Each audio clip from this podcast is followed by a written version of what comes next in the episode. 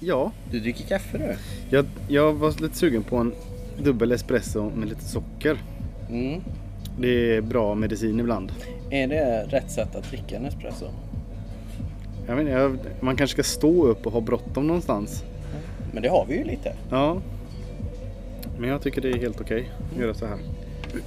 Vi måste, vi måste ta och kontakta de här kaffemänniskorna. Ja. Kaffe är ju ganska centralt i våra liv. Mm. I mitt framförallt, tänker jag. Men Jag blir nu jävligt grinig. sitter vi på ett litet café Mm. eh, längst upp på Linnégatan. Och vi ska träffa, vad heter hon? Birgit. Mm. Vad heter hon mer? Hon heter eh, Birgit Nilsson Bergström Ja, och är projektledare. på Hembakningsrådet. Precis. Mm. Och vi ska väl snacka om hennes bok. Ja, det hoppas jag verkligen att vi får tillfälle att göra. Eh, och det är klart vi får. Det är ju vi som bestämmer. Precis. Nej, men jag är lite nyfiken på just det här med vad Hembakningsrådet är för någonting. Det är ju också, alltså att det finns... Jag vet inte om man ska sitta och spekulera i det innan eller om vi ska liksom bara lyssna och se vad, se vad hon har att säga om det. Mm. Eh, Men det låter som ett spännande jobb tycker jag. Men vi tyckte att det var i alla fall ett passande avsnitt till den fjärde advent. Mm. Det blir då alltså söndagen innan julafton som är torsdagen.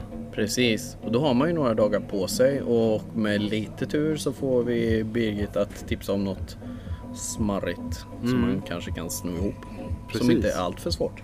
Det låter skitbra. Yes. Så vi traskar över till henne eller? Ja, det låter bra.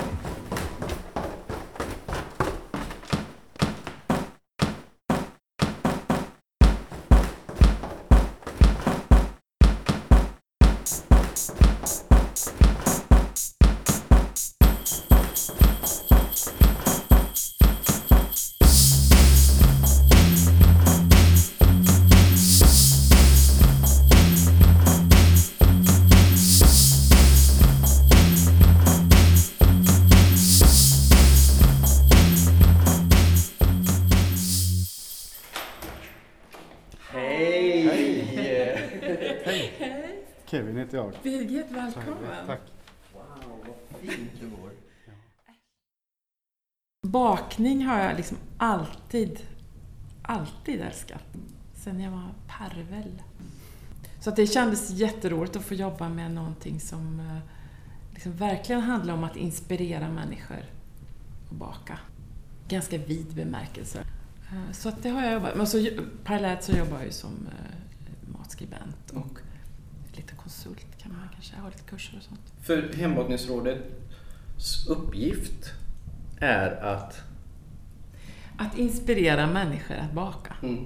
Så enkelt är det egentligen. Och man startade med verksamheten 1959.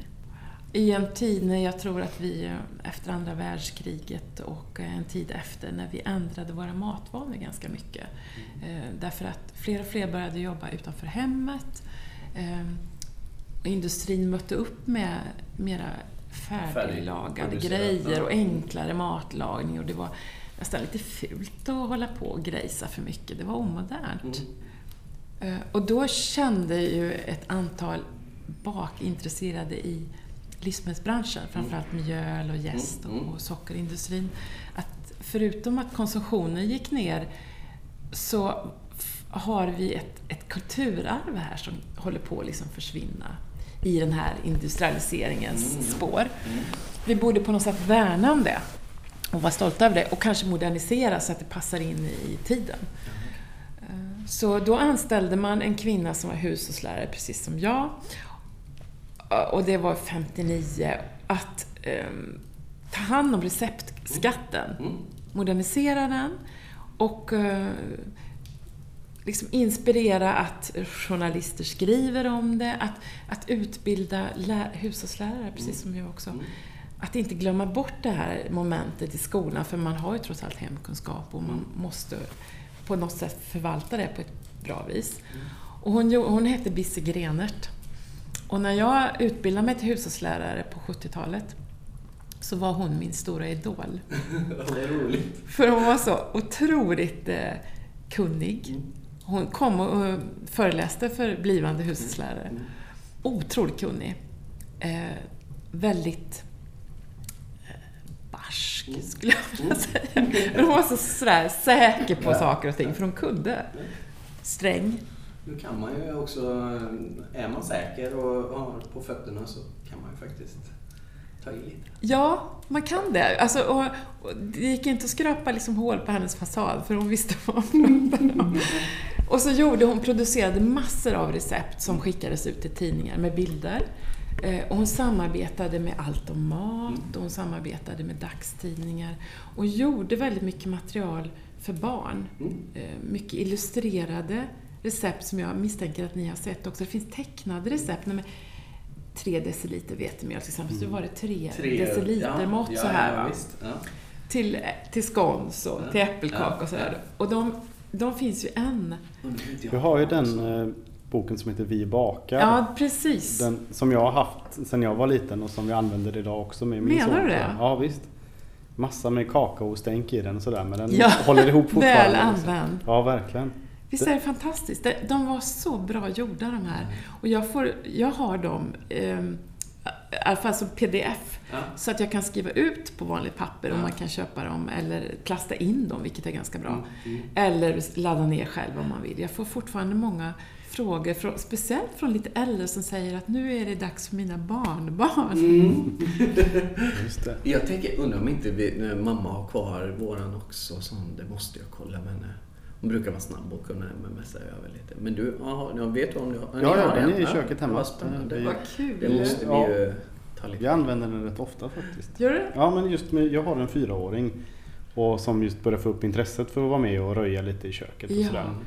Och vi har gjort lite, lite scones och lite vita gubbar och lite sånt där tillsammans. Det har varit jätteroligt verkligen. Men just att den är så enkel. Den är väldigt inte- enkel och jättepedagogisk. Ja. Och jag vet också att man använder den till nya svenskar som inte kan språket. Då är den ju också supersuverän. Det. Och då lär man sig ju dessutom språket samtidigt. Så att de där recepten är guld värda. Och nu jobbar jag ju med eh, liknande saker. Mm. Eh, Fast vi har en webbsajt som ska fyllas på med nya recept och ganska mycket information. Jag gör lite artiklar som handlar om intressanta saker. Semlans historia eller ehm, hur gör man om man vill dekorera bakverk med blommor till exempel. Och det kan vara lite andra historiska artiklar tycker jag själv är väldigt spännande.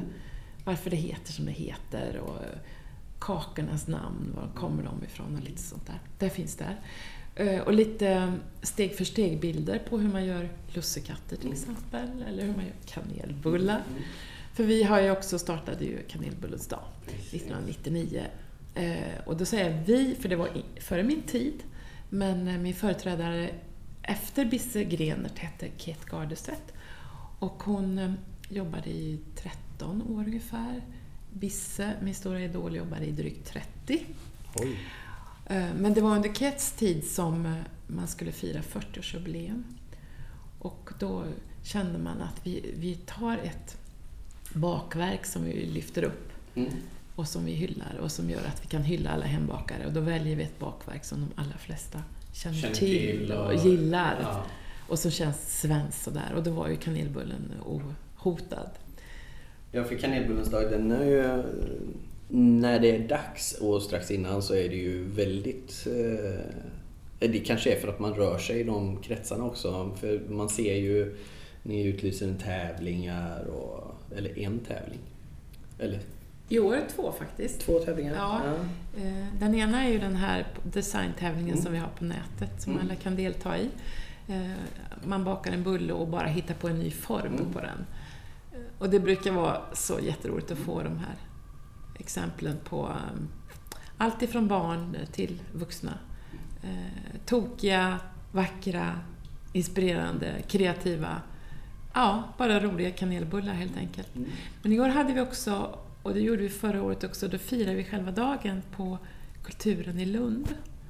Och eh, på plats då den 4 oktober. För att hitta på något kuligt där så hade vi en, liksom en drop-in tävling så man faktiskt kunde komma dit med sina bullar. Mm. Eh, nydesignade och nybakade. Mm. Och så kunde man vinna på plats. Eh, och det är ju också vansinnigt kul. Och då tävlar man inte om smak eller så, för den är ju god, kanelbullen. Man behöver inte hitta på ett nytt recept. Det är, får man gärna göra, men man behöver inte. Men formen kan man ju verkligen... Det kan bli vad som helst. Jag blir fortfarande förvånad. Och vi ändå haft den i... Jag har haft den i alla mina år, nästan tio år. Och det kommer fortfarande grejer som är Mm. hela tiden. Mm. Så människor är så påhittiga.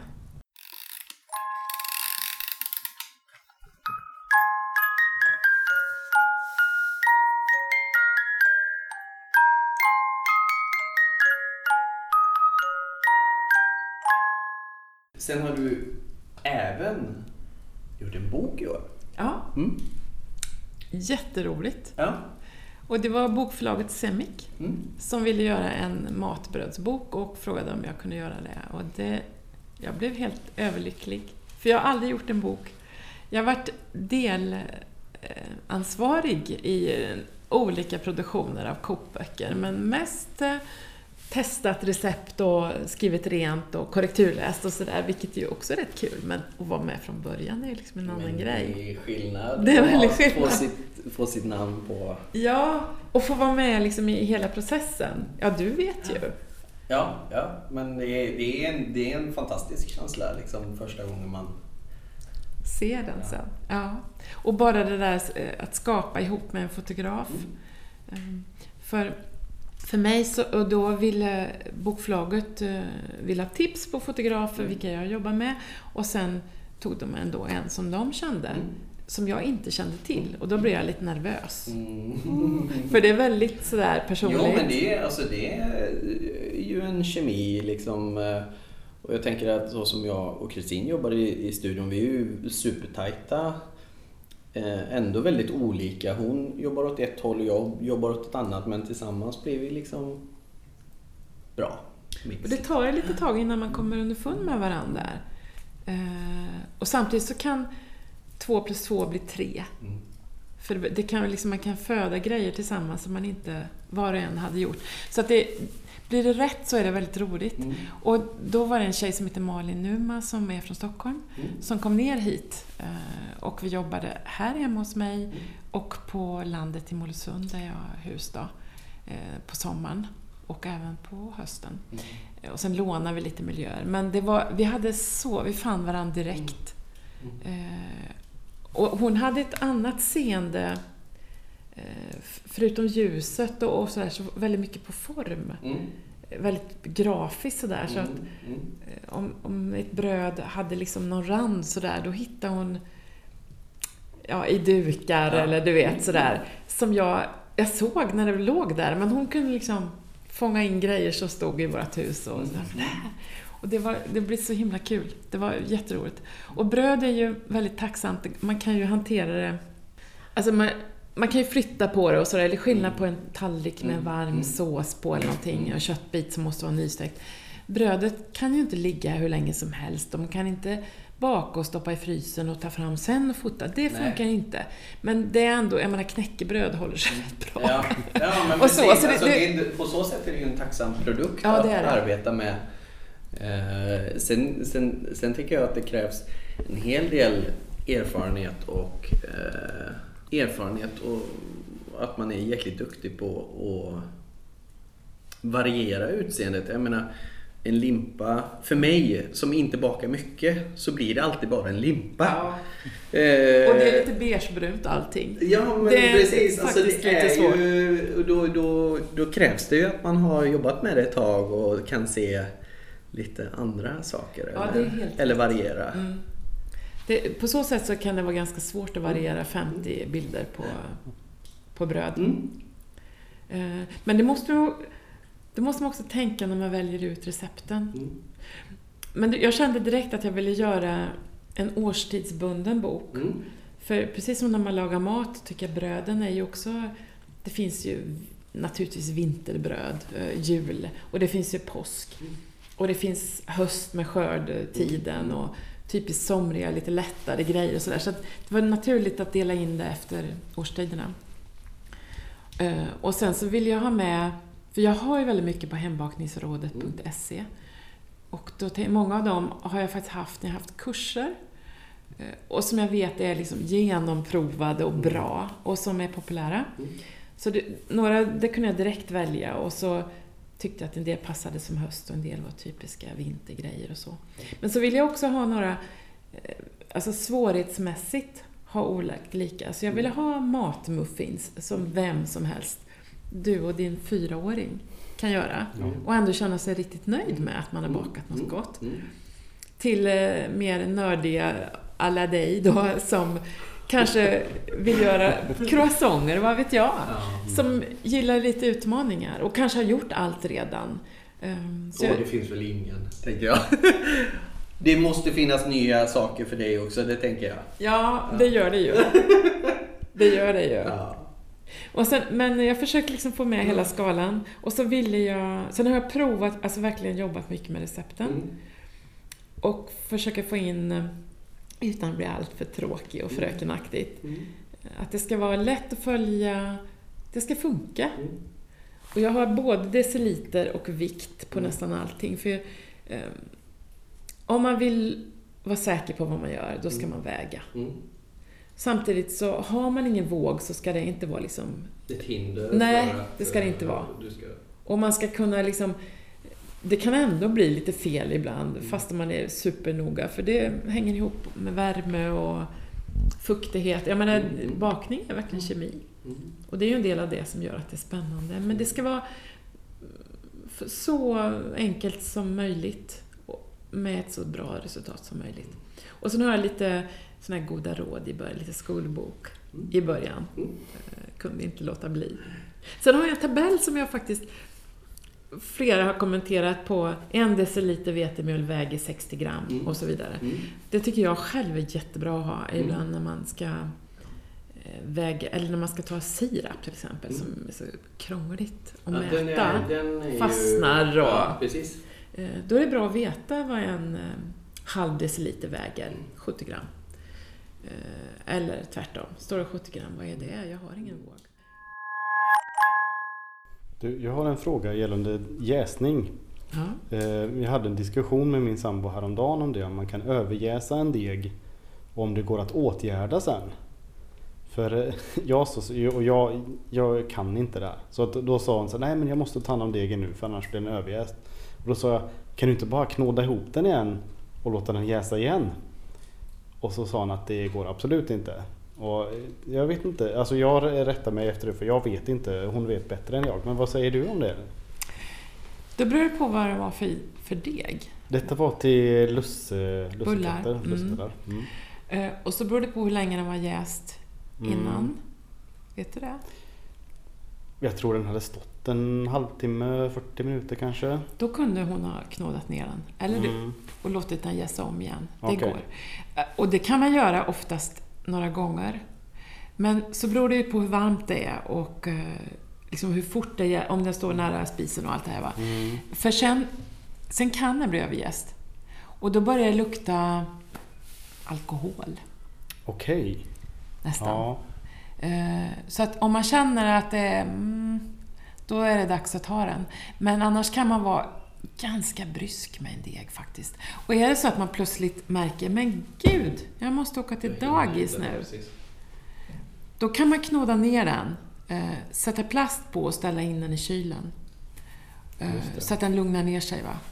Eh, och då, då kan du säkert ta hand om den en timme senare, eller två timmar senare till och med. Utan vidare. Och jag jäser ju ofta i kylen. Jag tycker ofta, speciellt om man ska ha gäster, så, så vill man ha nybakat bröd, men man vill kanske inte hålla på med det i sista minuten ändå.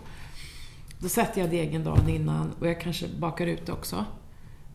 Stoppar det i kylen beroende på hur stor plats jag har i kylen. Och gräddar strax innan. Eh, men då får de...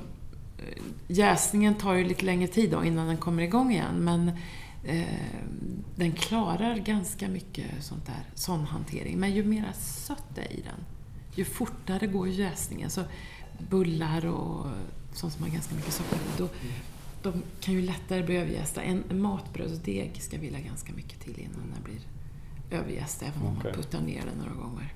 För sen kan det också bli så att när man väl tar hand om den där och den är nästan överjäst, så sjunker den ihop sen och då går det inte att få upp det igen. Då har den liksom Ah, okej. förbrukat allt socker, jästen, och den orkar inte mer då. Mm. Så um, visst, det finns ju... Lagom är bäst. Just det. Så det är bra att följa reglerna ändå. Ja, Mm. det, det kan man nog säga. Däremot en regel som jag tycker är viktig, speciellt om man gör bröd som ska vara luftiga och lätta, porösa. eh, Som kanelbullar eller lussebullar eller något luftigt eh, bröd som bondbröd eller något sånt där som ska vara högt och liksom så. Så knåda jättelänge. Knåda, knåda, knåda degen. Och helst i maskin då, för man orkar oftast inte så länge med handen som man skulle behöva. Så att man verkligen får ut de här glutentrådarna så att jästen kan få den att jäsa. Det spelar jättestor roll för konsistensen och för smaken. Okej. Så knåda, knåda, knåda. Brukar du få mycket frågor och sådär eh, från eh, privatpersoner som är hemma och bakar? Ja, inte jättemycket, men jag, får, jag har några eh, som ringer regelbundet. Erik till exempel, som jag tror är strax över 80. Mhm. eh, som ringer kanske varannan, var tredje månad. Och han, eh, han, vi har blivit som lite vänner nu. Och han berättar att sen hans fru gick bort för något år sedan och hon bakade så har han liksom tagit över det här bakandet. Och han ger sig i kast med surdegsbröd, knäckebröd, sockerkaka och så vidare. Och så har han någon liksom fundering. Eh, Sen ringer det eh, en del yngre som, är, som vill liksom bli lite nördiga, eller vad ska jag säga, som verkligen eh, nästan proffsfrågar. Annars så får jag mest på mail. Mm. Och inte jättemycket, men så här års kommer det ju. Och sen är det ganska mycket journalister som hör av sig som vill eh, låna bilder, vilket man får. Bara man skriver varifrån det kommer. Eh, och recept, gärna. Eller så ska de skriva ja, eh, någon artikel och vill ha någon liten kompletterande fråga och sådär. Vad händer med en gäst som har eh, gått ut i datorn? Slänger du den då? Eh, Du har alltid gäst hemma. Jag har alltid jäst hemma. Nej, jag brukar inte slänga. Alltså, går ut i datorn bryr jag mig inte om. Jag tittar på hur den ser ut. Mm. Eh, är den möglig så tar jag bort den mögliga och använder resten. Eh, det kanske inte ska vara så, jag vet inte. Men det brukar... Mm. Alltså, har den blivit lite. Alltså, torkad brukar den ju bli Mm. först. Då är det nog att den har förlorat lite i kraft, så jag kanske kompenserar det då. Mm. Med lite Ja. mer jäst. Ja. Eller låter det jäsa längre. Mm. Mm. Det bästa är att låta det jäsa längre, det blir ju godast. Mm. Men jag brukar kunna använda, jag tycker inte den är... Sen så kan man ju använda torrjäst förstås, som man alltid gör i storkök. Och då står det ju på påsen att man ska eh, blanda den i mjölet och ha varmt degsbad, varmare degsbad. Mm. Det gör jag aldrig. Jag värmer aldrig degsbad. Varken till färsk jäst eller till torrjäst. Jag bara låter det ta längre tid. Mm. Det funkar utmärkt. Så då, då blandar jag den ihop med allting annat och, och eh, häller på vattnet eller mjölken eller vad det är. Mm. Rumstempererat eller kallt till och med om jag inte hinner låta det stå i rumstemperatur. Och eh, det funkar utmärkt. Det tar längre tid bara. Mm. Men torrjäst är bra hemma ifall man den har möglat eller vad det kan ha hänt med gästen. Men det ska mycket till innan man slänger en gäst då? Jag tycker det ska mycket till. Mm. Jag, om jag har eh, den jäst för söta degar hemma och ska Mm. göra kanelbullar, då använder Ja, jag ju den ja. naturligtvis. Den klarar ju liksom lite mer socker och häver utan att bli trött, eller vad jag ska Mm. säga. Men har jag inte hemma, då kör jag den vanliga och jag kompenserar med lite längre jästid. Mm. Jag tycker Mm. ärligt talat att det går jättebra. För sen har jag märkt att den, den ekologiska, den doftar mycket skarpare. Ja, det gör den faktiskt. Den, är, den, den går inte att jämföra med de andra två. Jag tycker det är så konstigt att det ska vara sån jätteskillnad, men jag förstår inte riktigt varför. Den Jag- luktar jag kan jättemycket. Ja, det gör den. Jag kan inte riktigt svara på det tyvärr. Nej. Det är en fråga som jag borde ta reda på. För jag har gjort samma reflektion som Mm. du. Men det funkar ju som den andra gästen, Mm. eller hur? Mm. Eh, och jag tycker inte... Slutresultatet blir ju bra. Mm. Så att det måste ju vara något med processen där som är annorlunda. Mm.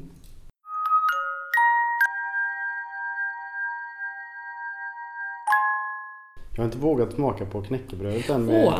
av, av hänsyn till våra lyssnare sådär. Vi ska sitta Jag ska ju berätta Knaprar. vad det var ni fick. Mm. Det, Ja, det här gärna. röda, det är ju då ett eh, rödbetsknäckebröd med råg, rågmjöl och, och rödbetar, eh, och rödbetor och vatten. Och sen har jag lite, lite lakrits.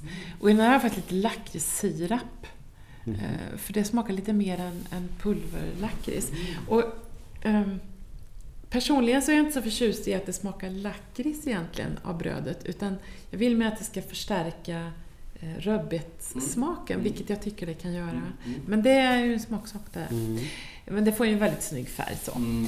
Och sen hade jag ett annat knäckebröd som, som jag kallar för eh, kryddknäcke, som också är med i boken. Och det är fänkål och kummin i det. Och filmjölk och eh, råg och graham och vete. Jag älskar knäckebröd så jag har Mm. ett antal knäckebrödsrecept. Ehm, Och så... eh, Jag tycker själv att det är ganska roligt att kavla. Kavla tunt. Ja, eh, men vi gjorde det här om dagen, jag och Kristin. Ehm, och det är rätt mysigt. Man stod, vi stod ju två stycken mot varandra på en bänk liksom. Och Det är ganska mysigt att nagga och... Ja, Mm. Det är det är Härlig handels, ja, glädje, hantverksglädjen där Ja. på något vis. Ehm, och sen hade jag de här små russin, solros och russinbröden. Som ehm, ett recept som jag faktiskt fått ifrån Håkan Törnström. För där har jag varit på bakkurs någon gång. Han är ju fena på att baka den killen. Eh, och då gör han en liten fördeg. Som får stå över natten. Mm. Och sen eh, solroskärnorna, russinen och hel anis lägger man i vatten över natten. För då blir den mjukare och det får en sån skön arom. Den här anisaromen blir mildare på något sätt men ändå fyllig. Så blandar man ner det i degen och, eh, knådar, knådar, knådar. Mm. Och sen så gör man en, får jäsa ganska länge, och så gör man en, en lös deg som man bara plattar ut och skär och gör små snutte, snuttebitar av. Kör i hög temperatur och gräddar. Det är trevligt med sådana små minibröd kan jag tycka. Det gör man ju så stort som man vill. Va? Men eh, det är trevligt med småbröd. Mm. Det var väl det ja. Ja. Och så har ni fått en liten eh, lussebulle med lemon curd i mitten och så valnöt. Valnöt. Ja. Och så penslat med smör och så strösocker på. Till, till våra lyssnare som nu då får det här avsnittet på söndag och har tre dagar innan det är julafton. Vad ska de göra om de nu ska baka någonting mitt i julstressen? Om du får välja en sak. Eh, ja, om man tycker att det är lite jobbigt med lussebullar ehm, då är det frågan om man inte skulle göra de där russin och solrosbröden. Mm. För de är, det är så lite arbete med det. Det tar en stund eftersom det ska jäsa ganska länge. Mm. Men det är inte mycket arbetsmoment. Jag skulle rekommendera dem. Och de är jättegoda. Man kan göra dem lite större och så kan man ha dem till en god cheddar eller vad man nu har, någon julost. Eh, De, och gör man dem lite större så är de faktiskt väldigt goda med julskinka förstås. Mm. Allting är gott med julskinka. så ja, det tycker jag nog.